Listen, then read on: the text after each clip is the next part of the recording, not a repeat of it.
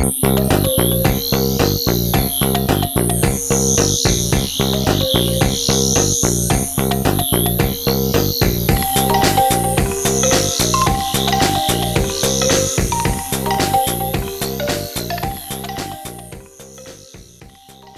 lytter nå til en podkast fra Kongsberg bibliotek. Jeg heter Oda Cornelia Knutsen, og jeg gleder meg til å dele bibliotekets høsttips med deg. Først ut i dag er Sara, som jobber som bibliotekar her på biblioteket.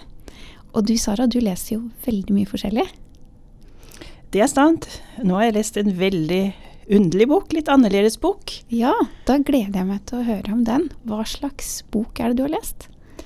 Jeg har lest 'Fiskehuset' av Stein Torleif Bjella. Den kom på Oktober forlag i fjor. Er på 137 sider og er skrevet på nynorsk. Rammene er altså veldig greie. Ikke så stor bok der. Nei. Men den er kanskje stor i innhold? Ja, jeg har lyst til å si litt om hvordan den ser ut først. Ja. For den, eh, den ser ut som en gammel notatbok. Den er slitt, har en etikett, en rød etikett som det er skrevet med penn på. 'Fiskehuset', som er tittelen. Den ser ut, boka ser ut som den har ligget i et fiskehus, en enkel koie, en hytte, der bare mannfolk ferdes. Bak på boka der står det at romanen handler om en uke høstfiske, kunstens indre vesen, naturen som dundrer fram, kjærligheten, sannhetsord og den store endringa i livet til Jon Aslesen Aall. Oi, det høres jo veldig, veldig spennende ut. Men med ei sånn utseende på boka, så tiltrekker den kanskje ikke så veldig mange lesere, eller hva tror du? Nei, men eh, den er såpass spesiell i utseendet at jeg tror særlig den mannlige leseren vil legge merke til den. Ja, interessant. Hva skjer eh, i boka? Jo, eh, boka Jeg har lyst til å si litt om Stein Torleif Bjella også, før jeg forteller hva den handler om. Stein Torleif Bjella har de fleste hørt om. Han er musiker og rimsmed, men han har ikke skrevet så mange bøker. Han debuterte som forfatter med en diktsamling i 2017, og den het 'Jordsjukantologien nummer én', altså også litt spesiell bok. Men eh, hva som skjer i den her? Jo, her er det eh, en, dette her altså Jeg har spurt meg selv hvorfor liker jeg den. For, jo, da har jeg svart at dette her er en ærlig, stillferdig, lavmælt samtale mellom to kamerater, to menn fra samme slekt. Den eldre, som snart skal dø, vil gi kunnskap og styrke til den unge, han som skal ta over fiskehuset og fiskebestanden i Storskje- i vannet. Her er det rom for spørsmål, sinne, hemmeligheter og en skikkelig mannfolkprat. Og mye kunnskap om hvordan livet for fisken er avhengig av godt stell av den som forvalter et fiskevann. Han må handle i rett tid, ikke ligge på latsida når det gjelder, også når det gjelder kjærligheten. Vi blir kjent med Ivar Helgesen Aall, som levde fra 1936 til 2015, og Jon Aslesen Aall, han er 47 år. Jon har notert ned i den blå boka det Ivar fortalte, det de opplevde på høstfiske, og dette ble til romanen under pandemien. Ja. Det er litt av ei historie som veves opp der. Det er jo utrolig spennende å høre. Men tror du Eller er den skrevet som en type dialog? Eh, Det er mye di direkte eh, tale fra eh, den gamle til den unge, hva han sier. Eh, så han, eh, Jon han har prøvd å notere mest mulig det han, som gjorde inntrykk på han, og som han oppfattet som var viktig for han. da. Så, eh, så det er eh, det er både kunnskap, men veldig mye om mellom disse to mennene fra den eldre til den yngre livserfaring som Mm. formidles videre her. Vil du si at den er lett å lese fordi det er mye muntlighet? Ja, altså den er jo lett å lese, eh, og det er eh, en liten bok, den er ikke lang. Den passer veldig bra for den som vil ha litt korte bøker, men man må tåle å lese på nynorsk. Og her er også en god del innslag av hallingmål. Det fikk meg til å stoppe opp litt og eh, tenke hva er det du sier her nå? Men på en måte så aktiviserte det meg som leser. Og det syns jeg ofte er veldig bra med bøker. Mm. Hvis jeg blir aktivisert til å tenke og reflektere litt selv. Syns du at Hallingmålet var noe som passa i boka? Det passer veldig bra fordi dette vannet ligger eh, i Hallingdal, og eh, alt dette her foregår i Hallingdal. Og dette er to karer fra Hallingdal, og slekta er derfra, så det utfyller historien veldig fint. Ja, Så da glir det inn i en helhet. Ja. Det er jo veldig bra. Hva, hvem tenker du boka kan passe for, bortsett fra en som kanskje vil ha en litt kortere bok å lese i høst? Jo, jeg, jeg syns den passer veldig bra for den som er friluftsinteressert, både menn og kvinner. Um, ja, den som gjerne vil reflektere litt over livet, og gjerne lese om både yngre og eldre folk. Hva som kanskje er viktig å ta vare på, og hva som eh, man bare kan legge bort. Mm. Hva er det du, du vil framheve som det du liker best ved boka? Det er dette møtet mellom disse to mennene, Mm. og at det bare er disse to ute i naturen. Eh, så jeg, jeg syns jo den boka, hvis du f.eks. lager deg et bål og setter deg ut i skogen, eller sitter på en liten hytte og leser denne boka, så, eh, så vil du få en veldig fin stund. Eh, og den er som sagt overkommelig. Du blir ferdig med den på en tur. Et veldig fint høsttips fra Sara der altså, med 'Fiskehuset' av Stein Torleif Bjella.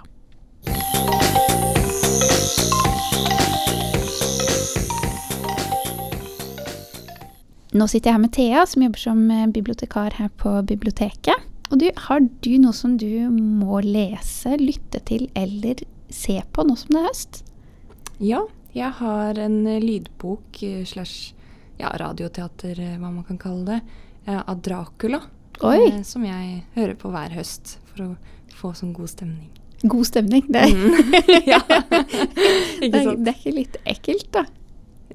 Jo da, det er jo Men en, en, måten det er utført på, er veldig koselig, og det er eh, Det er jo en skummel på en måte historie, men det er gjort på en veldig bra måte, da. Man blir veldig engasjert. Lytter du til den mens du går tur, f.eks.? Ja, Ja. ofte når jeg går tur, så, så går jeg liksom på stien i skogen, og så er det litt sånn skummelt, men det er litt koselig samtidig. Kunne du Mm. fortalt litt om Dracula? Det er jo ei bok som originalt ble skrevet av Bram Stoker. Ja. ja. Nei, det, det handler da om eh, Det er skrevet eh, som eh, brevvekslinger. Oh, ja. Så du får på en måte et innblikk i veldig mange personers liv ved at de sender brev til hverandre. Mm. Og da får du også den spenningen om at hva skjer når de ikke sender brev? Hva ja, hva betyr det? Hva Fravær av brev? Ja. Ja. Mm. Eh, så det starter jo med at det er en Hva kan man kalle det? Er det en forsker han er? Som skal dra og jobbe Nei, han, han eh, jobber som eh, Han selger hus, eller skal liksom Mm. selge hus da til denne Dracula. Og så blir han da gjest i Draculas hus, og hva skjer der? Og så eh, Ja. Brevene han sender til sin forlovede. Og kanskje brev han ikke sender. Og sånne ting, da. Jeg syns det høres ganske ekkelt ut. Ja. Nei, det er jo Ja. Men det, det blir jo spennende til slutt, da. Og det er en lykkelig slutt på en måte. Ja. Mm. Men det er jo egentlig tida for det om høsten. Mm. Krølle seg sammen og kose Ja. seg med det som kanskje er litt ekkelt òg, hvis en Mm. klarer det. Ja. Så det er en veldig fin bok å lese rundt halloween-tider. Det passer jo veldig bra Det vil jeg tro. Mm. Dracula har jo blitt kjempepopulær i uh, populærkulturen. Mm. Så det er jo ikke bare eh, bøker. Det er også mye filmer. Ville du anbefalt noen Dracula-filmer? Jeg har ikke sett så mange av de, egentlig. Så jeg har ikke så mye å anbefale mer enn boka. Og boka er også veldig fin, for det Selv om man tenker liksom å, den er skrevet for så veldig lenge siden, så er det sikkert ikke noe spennende. Men den, den kunne ha blitt skrevet i dag, og den er like spennende i dag, syns jeg. Men eh, ja, noen filmer, det Det har jeg ikke sett så mye av. Nei. Så bok og lydbok der, altså. ja. Ja. Det Det var bra tips. det. Mm.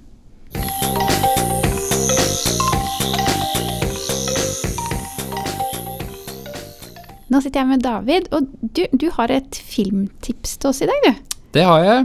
Eh, Jeg har sett på en film som heter The Florida Project. Og Det er en film fra 2017 som handler om seks år gamle Moni og hennes mor som bor, som bor på et eh, lavbudsjettsmotell i Florida. Eh, og det handler egentlig om å være fattig i USA. Og de miljøene eh, Vi følger altså de fattige, og vi ser hvordan de fattige miljøene, miljøene sliter. Og hvordan barna har det. Og Det er en liten perle av en film som kan anbefales på det sterkeste. Tenker du at den eh, kan trekke noen paralleller til miljøer i Norge?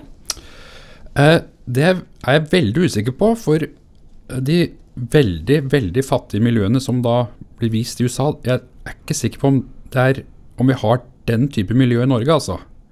Eh, her ender hovedkarakteren opp eh, med å selge seg sjøl. Og eh, ja, nei, jeg, er usikker på om det finnes så lutfattige miljøer i Norge. Men det, er en, det er en veldig aktuell film å se, og veldig fin film å se. Og aldersgrensen er ni år, selv om jeg anbefaler at man er eldre enn det. Mm. eh, men nei, jeg tror ikke vi har den type miljøer i Norge, nei. Men det kan hende.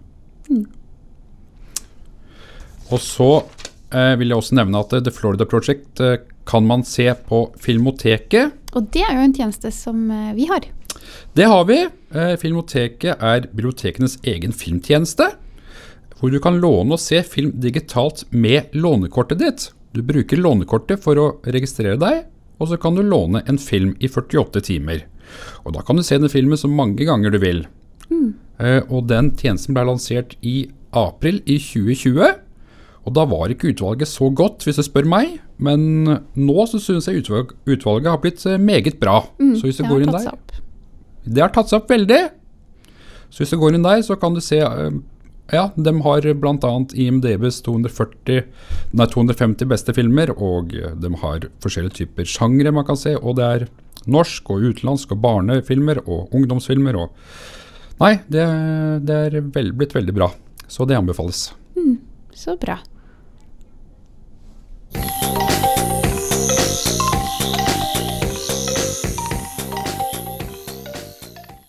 Når det er høst, er det alltid ei bok jeg veldig fort tenker på.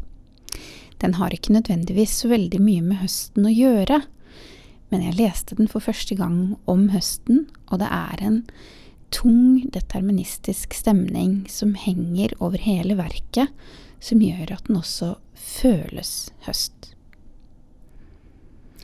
Boka er Rikka Gan, og den er skrevet av Ragnhild Jølsen. Da jeg leste denne boka og ble ferdig med den, var det seint på kveld. Varmen fra peisen hadde begynt å avta, gatelyset utafor hadde gått, det blåste. Regnet tappa mot vinduene, og månen var en skeiv skalk på himmelen. Jeg var aleine i huset, akkurat som Rikka Thorsen fra Gan. Hun som kjemper gjennom hele historia, men ikke når hun burde kjempe hardest. Som går med på det umulige, og som gjør det umenneskelige. Jeg ble sittende og tenke på hvordan jeg noensinne kan forstå en romanfigur som henne. Og forfatteren Ragnhild Jølsen sjøl, som levde mellom 1875 og 1908, som hadde mange like erfaringer med hovedpersonen Rikka Gan, og som til slutt valgte å avslutte sitt eget liv. Begge disse kvinnene er veldig langt ifra meg, men det er noe utrolig fascinerende ved dem. De har noe mørkt ved seg, noe destruktivt. De er ukuelige og arrogante, de er intense, nesten maniske. Jeg har ikke noe problem med å forstå hvorfor Jens Bjørneboe blei så hekta på Ragnhild Jølsen at han måtte skrive en roman om henne, det som blei Drømmen og hjulet, som blei utgitt i 1964. Hun fester seg i sinnet, og kan ikke jages bort. Rikka Gahn er da hovedpersonen i romanen som bærer hennes navn.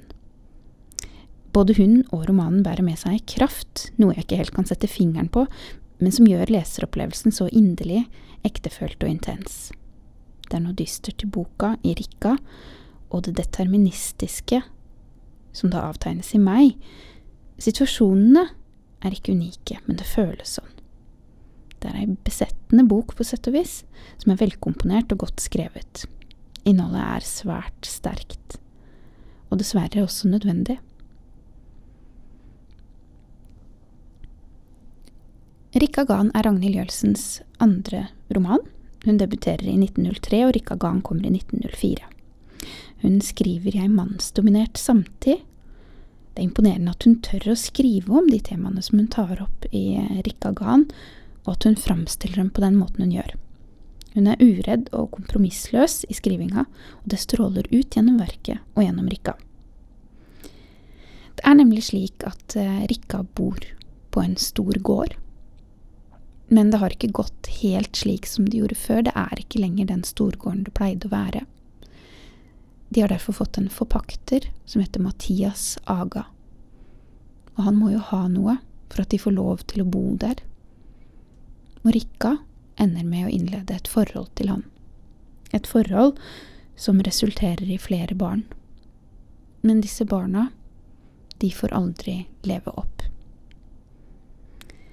Jeg vil ikke si så veldig mye mer om handlinga i Rikkagan, for alt henger sammen, og forståelsen av hva som skjer i romanen, er vesentlig for leseropplevelsen. Men de fleste vil nok oppfatte handlinga som noe som engasjerer veldig emosjonelt, og som er vanskelig å lese om.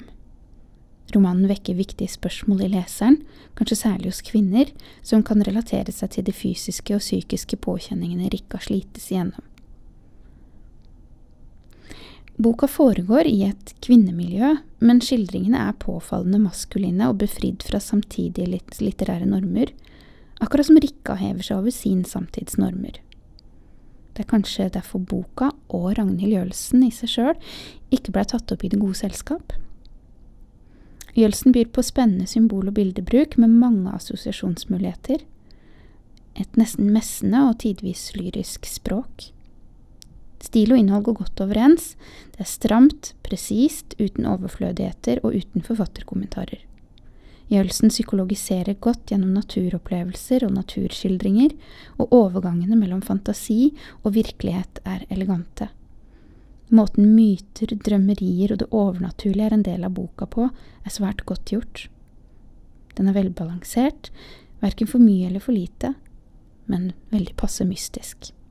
De mange tvetydighetene og hintene gjør lesinga spennende, dette er ei bok som kan leses mange ganger med fornya og utvida utbytte fra gang til gang. Jeg syns det er herlig at Jølsen ikke sier ting rett ut, men at alt er dobbelt eller mer. Hun klarer også å tematisere moral, tro, rett og galt uten å dømme. Og denne dobbeltheten som ligger i verket, den ligger også i hovedpersonen Rikka. Hennes følelser, holdninger, handlinger, tvil og oppfatninger er så sterke og rå. Men i usikkerheten sin er hun også liten og spørrende som den unge kvinna hun er. Det er bare så leit at hun ikke har noen til å spørre til råds, at de rundt henne kun tenker på seg sjøl og sine egne. Det gjør Rikka helt aleine om det vanskeligste ei kvinne kan oppleve. Når Jølsen skildrer dette så godt, tenker jeg at mange av hennes egne erfaringer som utagerende bohem i storbyen, borte fra alle kjente og kjære, kanskje underliggende. Hun har sjøl sagt at Rikka Gan er den romanen hun setter høyest. Og jeg setter den veldig høyt, jeg også, selv om den er trist, deprimerende og deterministisk i gotisk tradisjon, så er den også vakker, sterk og levende.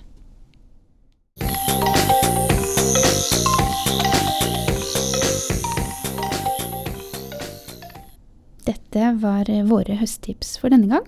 Og hvis du vil ha flere tips, er det bare å komme innom biblioteket, så kan vi hjelpe deg med å finne noe å lese, noe å lytte til, eller noe å se på. Vi ønsker dere alle en riktig god høst.